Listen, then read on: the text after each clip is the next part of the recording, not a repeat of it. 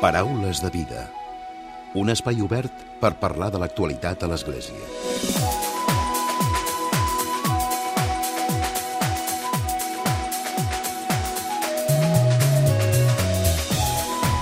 Què tal? Salutacions i molt bon dia, molt bon diumenge.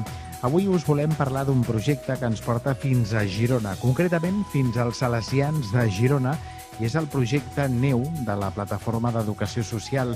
De fet, un grup de joves d'entre 16 i 25 anys i també el seu grup d'educadors, amb la col·laboració del Güell Espai Jove, han presentat un videoclip que té per títol Refem el futur. És un videoclip que fomenta la pau i la lluita contra el racisme entre totes les persones. Aquest projecte té com a objectiu l'empoderament dels joves del barri de Santa Eugènia de Ter, a Girona, perquè ells mateixos siguin capaços de generar un canvi en relació a la realitat intercultural que els envolta. De fet, avui parlarem i ho farem en aquest cas amb dos dels joves que han participat d'aquest treball, d'aquest videoclip Refem el futur. Són l'Andrei Santana i la Nyuma Conte i també amb dos dels seus educadors responsables també del projecte Neu dels Salesians de Girona. Són la Erika Hernández i en Sergi Bueno. Com us expliquem, aquest eh, videoclip, Refem el futur, vol lluitar a favor de la pau i contra el racisme. De seguida el saludem per conèixer els detalls d'aquest interessant projecte. I com sempre, tancarem el Paraules amb el comentari de l'actualitat de Francesc Romeu. Comencem.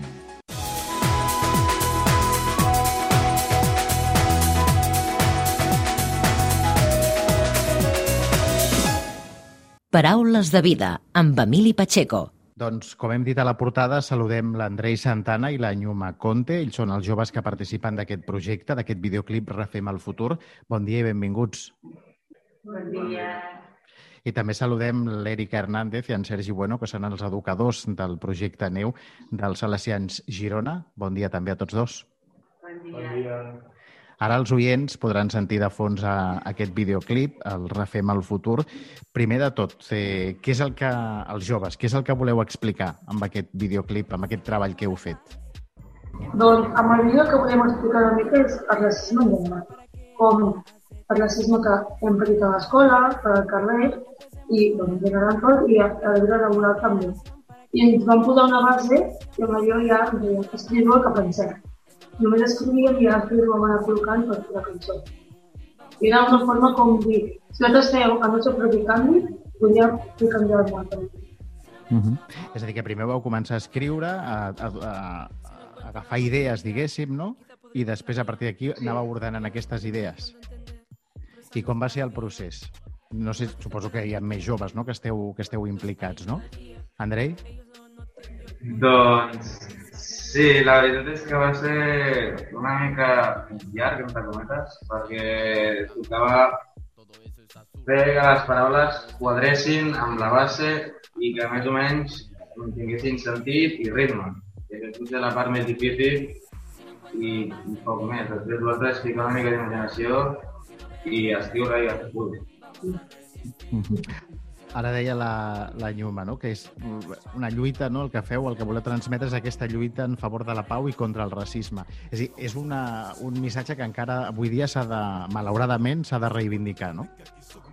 D'una forma o una altra sempre hi ha el racisme, però nosaltres mateixos podem començar fer canvi perquè la nostra següent generació no pateixi tant com la generació el procés, com dèieu, ha estat llarg. Suposo que també el fet de, de tenir pel mig una pandèmia, no? Perquè van haver-hi diferents etapes no? d'aquest procés, de l'elaboració del videoclip, les diferents etapes. Sí. Parleu una mica, expliqueu-nos una mica com va ser aquest procés. És a dir, comenceu primer amb, amb les lletres, és a dir, que aneu eh, escrivint, aneu agafant idees, i quins són després els processos que venen? Sí.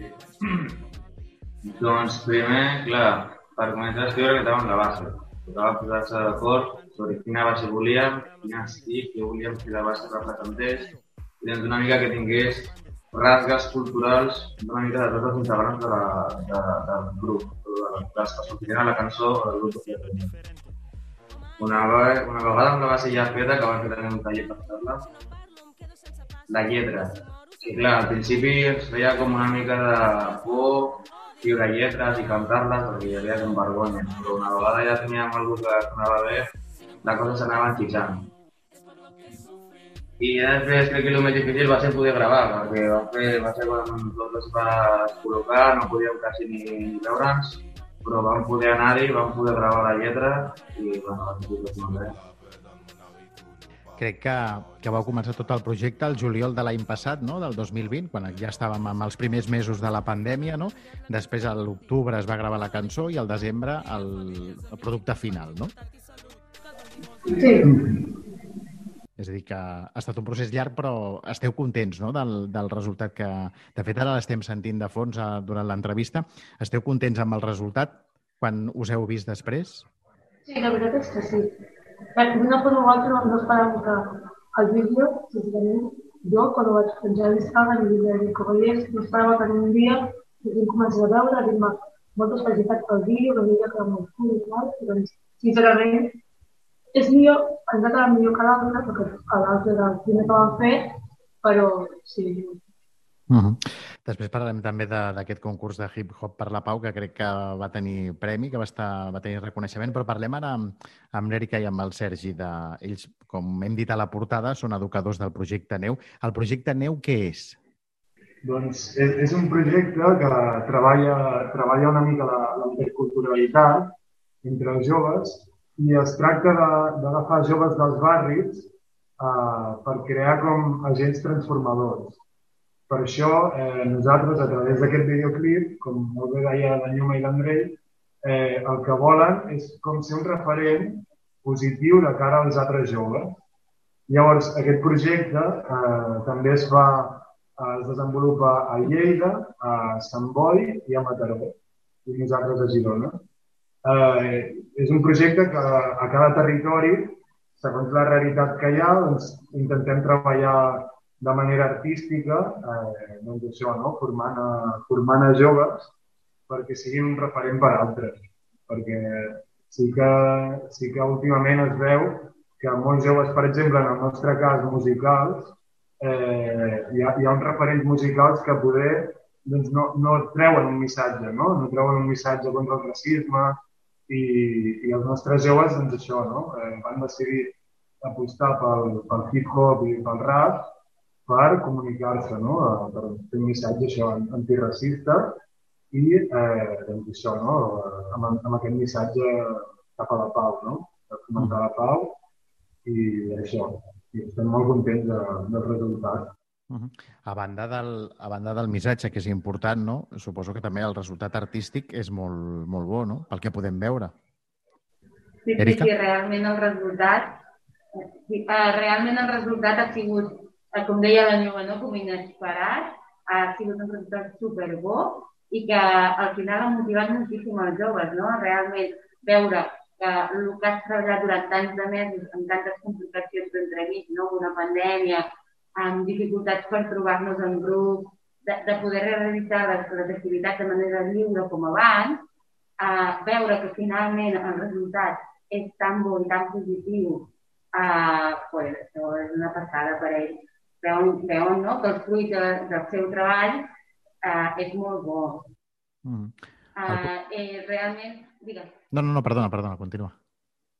No, dic que realment, a més a més, amb la gent amb la que hem treballat, no? el tallerista que ens va fer el, el, el taller de rap perquè els nens no poguessin construir la cançó, la persona que ens va crear la base a partir de les aportacions dels nens, l'entitat que també ens va realitzar el videoclip, també van treballar molt amb nosaltres a la UNI ficant totes les facilitats del món, no? Llavors, bueno, això també és d'agrair i el resultat podem veure que tothom s'ha implicat molt.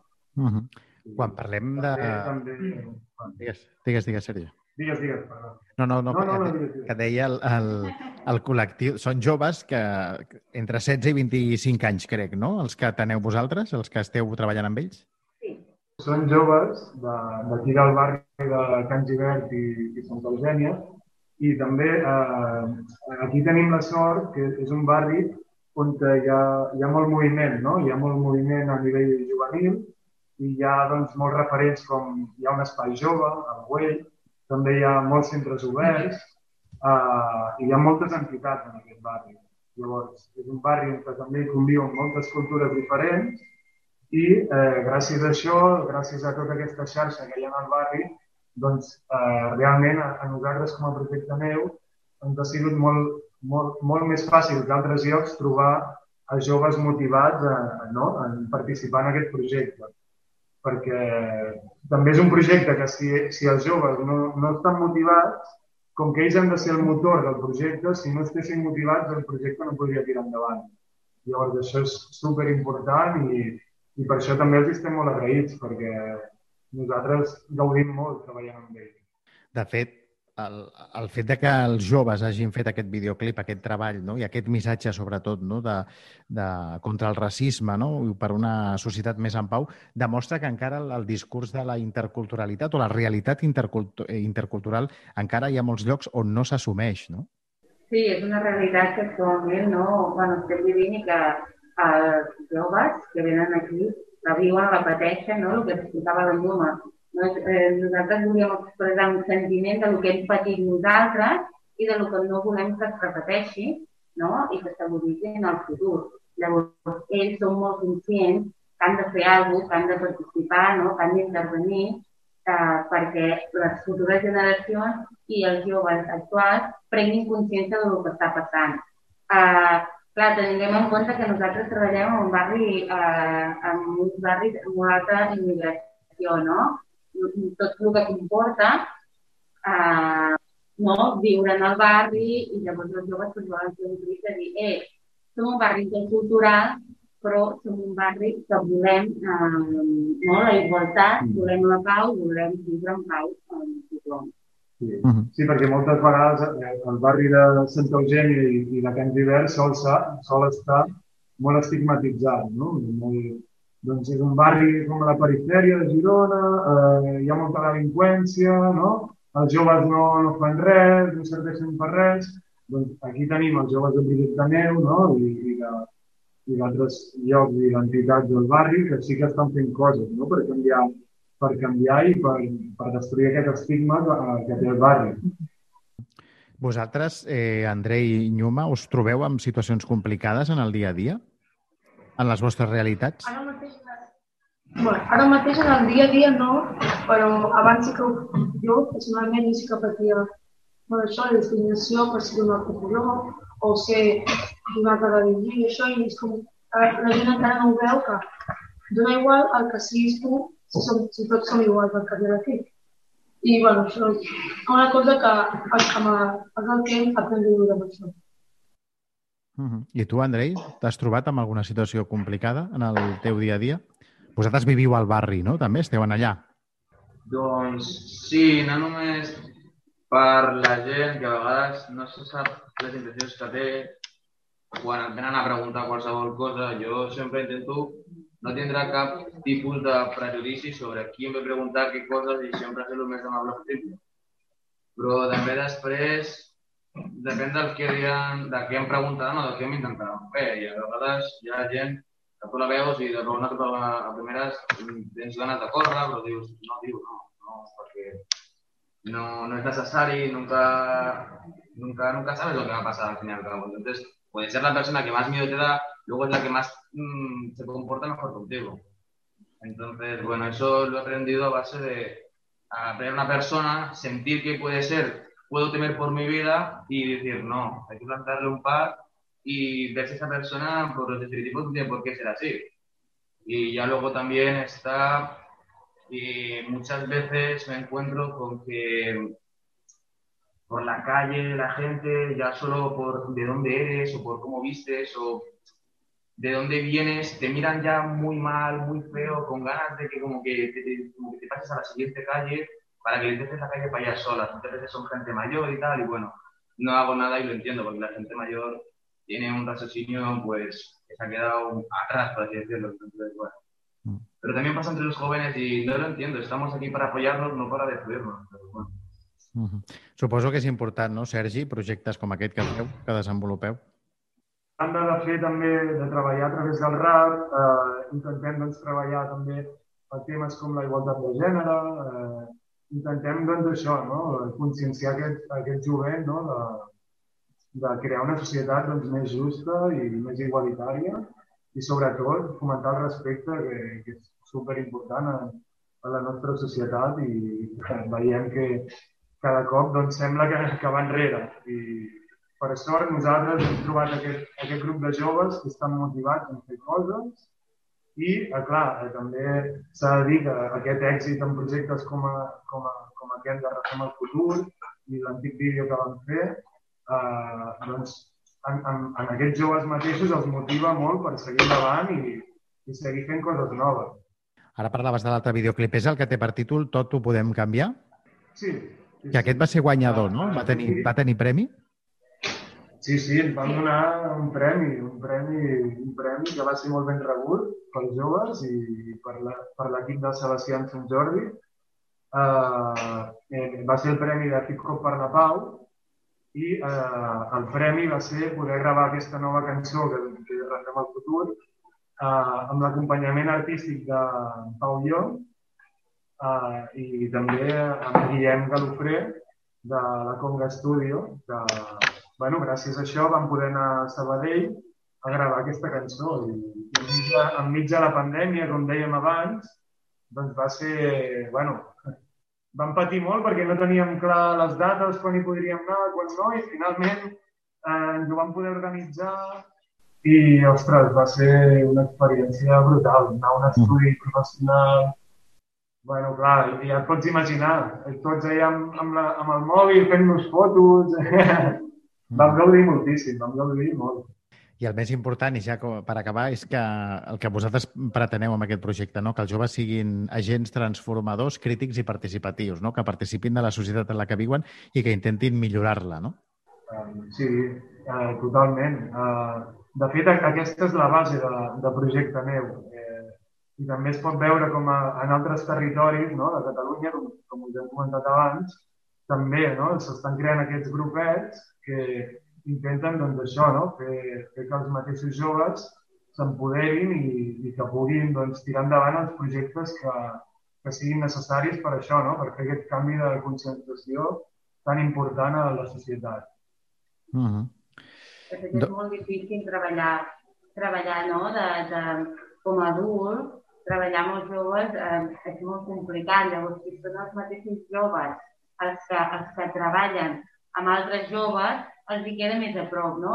Coneixen els cursos, coneixen una mica com funciona. De fet, a l'hora de fer el videoclip, a l'hora de fer la cançó, eh, era importantíssim que ells aportessin idees i que ens diguessin què és el que els joves volen, no? Com els hi arribaria aquest missatge i de quina manera eh, era la més adient perquè, perquè el missatge fos més, més lleuger i els arribés millor. No? Llavors, si són els mateixos joves els que els que porten el projecte eh, és més fàcil no? que altres joves que afegeixin. Uh -huh.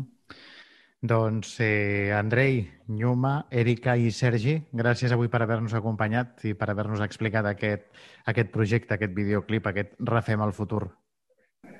Moltes gràcies, gràcies a tots. Gràcies a vosaltres.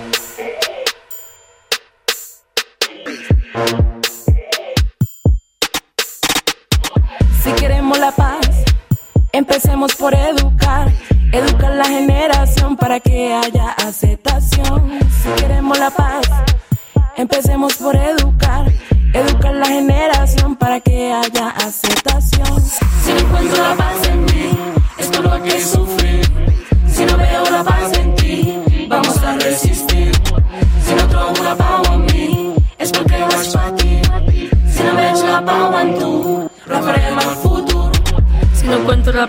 mundial. Paraules de vida. Segueix-nos a Facebook i Twitter. Arroba Paraules de vida. I abans de marxar, com sempre, cop d'ull a l'actualitat, amb Francesc Romeu. Francesc, molt bon dia. Molt bon dia a tothom. Aquesta setmana ens ha deixat un dels col·laboradors del nostre programa, l'Arcadi Oliveres Boadella. I la seva mort, als 75 anys, era previsible, degut a una malaltia ja en fase terminal. Però això ens ha permès, gràcies a la família, de poder-nos anar acomiadant d'ell d'una manera pausada. Per sobre de les seves col·laboracions amb molts programes de ràdio i de televisió, de tots els ensenyaments i del bon tracte en les tertúlies, l'Arcadi era una molt bona persona, un gran amic i company. El seu pensament i el seu mestratge en l'economia havia conduït a renglarar-se en grups dels que en podríem anomenar alternatius, perquè la seva proposta profètica era la de fer-nos veure que un altre món és possible. Per ell, l'enemic més important era el sistema capitalista, un sistema que genera grans guanys i beneficis per a una petita part de la població, però que condemna a moltes persones a la pobresa i a la misèria. Aquesta cruel divisió ell ens l'ensenyava no sols caminant pels nostres carrers de les ciutats, sinó també davant d'una bola del món i mostrant-nos els hemisferis nord i sud dividits per la riquesa i la pobresa. Comentant les notícies d'actualitat, si havia una cosa que realment l'enfadava sobre mesura, eren les injustícies i les contínues vulneracions dels drets humans. L'Arcadi era un home profundament ecologista i es preocupava de vetllar per la integritat de tot el planeta. Així els hi explicava fa poc als seus nets, tot dient-los que si no vigilem ens fumarem el planeta i no els hi deixarem res als qui venen al darrere. L'Arcadi era un gran pacifista i lluitava i denunciava tot el que és l'empresa i la fabricació armamentista i les partides pressupostàries dels països per mantenir i incrementar els seus exèrcits. Mentalment et repetia de memòria la llista de tots els bancs i dels capitals dels seus fons que invertien en la fabricació i venda d'armes a països en guerra o en grups paramilitars. Per això ell també proposava una banca ètica. L'Arcadi era també un gran creient, molt respectuós amb l'Església, però també molt crític. Durant 13 anys, del 2001 al 2014, va ostentar el càrrec de president de Justícia i Pau, on ell ja hi havia començat a treballar de la mà d'en Joan Gomis en la campanya del 0,7% d'ajut al desenvolupament. S'hi trobava molt bé amb les petites comunitats de base dels nostres barris i n'era un incansable conferenciant, amb el seu to propi, és a dir, parlant amb bonomia, però alhora molt documentat i contundent en les seves denúncies. Finalment, amb tot això que hem dit, l'Arcadi era un home polític, no de partit polític, però sí de posicionament polític, crític amb les postures conservadores i liberals i encara més amb els nous populismes, però alhora molt obert a les polítiques d'esquerres, quan aquestes pretenien postures compensatòries davant de les grans desigualtats socials. Aquests dies, tots els polítics de tots els partits han parlat positivament d'ell i s'han acomiadat.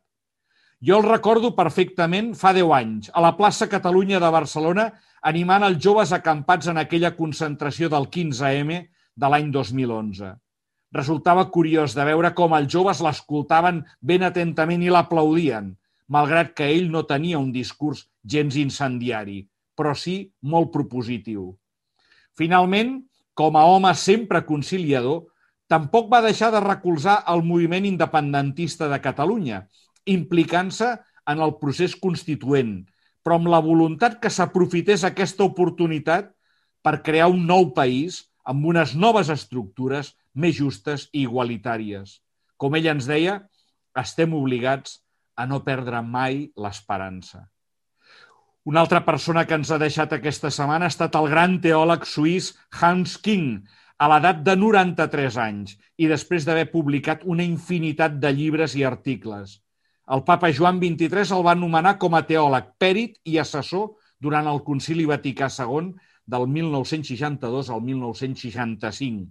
I després, juntament amb Joseph Ratzinger, l'actual papa emèrit Benet XVI, van ocupar la càtedra de teologia a la Universitat de Tubinga, a Alemanya. Però arrel de la seva postura molt crítica contra la infal·libilitat del papa, el 1979 se li va retirar el títol de teòleg catòlic i va haver de continuar com a professor de teologia ecumènica. En aquesta nova situació, King es va posicionar molt críticament contra l'oficialitat i es va dedicar a estudiar i divulgar sobre el que tenen en comú les religions i sobre una possible ètica global. Molt bon diumenge a tothom. Paraules de vida amb Emili Pacheco.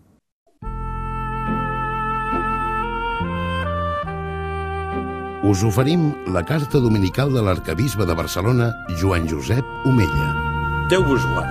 Avui l'Església celebra el Diumenge de la Divina Misericòrdia. El papa Joan Pau II va instituir aquesta festivitat l'any 2000 i va voler que tingués lloc cada segon diumenge de Pasqua. La misericòrdia, com va dir el mateix papa, no és un missatge nou, però ens pot ajudar a viure intensament la bona notícia de la Pasqua que podem oferir com un raig de llum als nostres germans. En aquesta celebració els cristians recordem de manera especial que Déu és misericordiós. Del cor de Déu brolla un corrent de misericòrdia que ens omple d'alegria, d'esperança i cura totes les nostres ferides. Si llegim amb atenció la Sagrada Escriptura, descobrirem que Déu mostra el seu amor de moltes maneres, la seva misericòrdia omple la terra, diu el Salme. Déu és un pare que s'apiada dels fills i els estima incondicionalment. El profeta Ausès compara Déu amb un pare o una mare. Déu ens ensenya a caminar, ens pren en els seus braços i s'inclina davant nostre per donar-nos de menjar, diu el profeta. Jesús, a l'Evangeli, l'anomena Abba, que és la paraula que els nens utilitzaven per dirigir-se als seus pares amb afecte. Podríem traduir-la a la nostra llengua com papà o pare estimat. Déu, a través del seu fill, es revela com un amic fidel que sempre és al nostre costat. Jesús vol tenir una relació personal amb cada un de nosaltres. Espera que li obrim el cor i compartim amb ell tots els nostres dubtes, esperances i somnis. Jesús ens estima tant que ha donat la vida per nosaltres, diu l'Evangeli. Ningú no té un amor més gran que el qui dona la vida pels seus amics. L'amor de Déu sempre trenca els nostres esquemes. Es presenta cada Nadal com un nen que necessita el nostre afecte. Déu, creador de l'univers, es fa petit i demana que el rebem al cor. El profeta Jeremies explica que quan va rebre la crida de Déu, aquest li va preguntar «Què veus, Jeremies?» I ell li va respondre «Veig una branca d'ametller. L'ametller és el primer arbre de la primavera. Quan tot sembla mort, les seves flors anuncien que ve un temps nou. Així és Déu. Quan tot sembla perdut, ell es manifesta com esperança i vida nova. Només el seu amor pot treure vida d'on hi ha mort. Déu és tendresa, encara que nosaltres ens allunyem d'ell ell continuarà estimant-nos. Ell és la llum que ens il·lumina i transforma la vida. Elimina les rivalitats i els odis i ens fa propers als més necessitats. Diu el papa francès que estem cridats a convertir-nos en la carícia de Déu per a aquells que han oblidat les primeres carícies o que pot ser mai en la seva vida han rebut un gest d'afecte.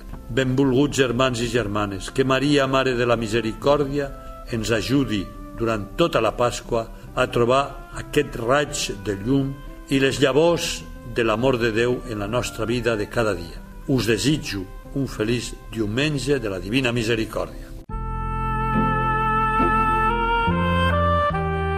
Us hem ofert la carta dominical de l'arcabisbe de Barcelona, Joan Josep Omella.